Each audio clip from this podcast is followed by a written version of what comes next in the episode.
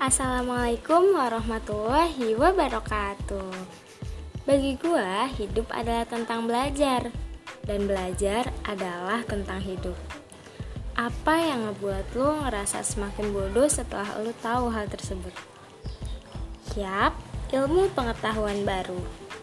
Entah itu berupa teori, strategi, rasa, atau bahkan pemahaman hidup yang baru.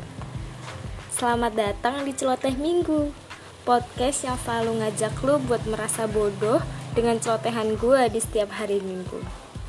Jangan takut Merasa bodoh itu menyenangkan kok. Gak semengerikan yang lu semua pikirin. Oke, selamat menanti Selamat menikmati Dan mari merasa bodoh bersama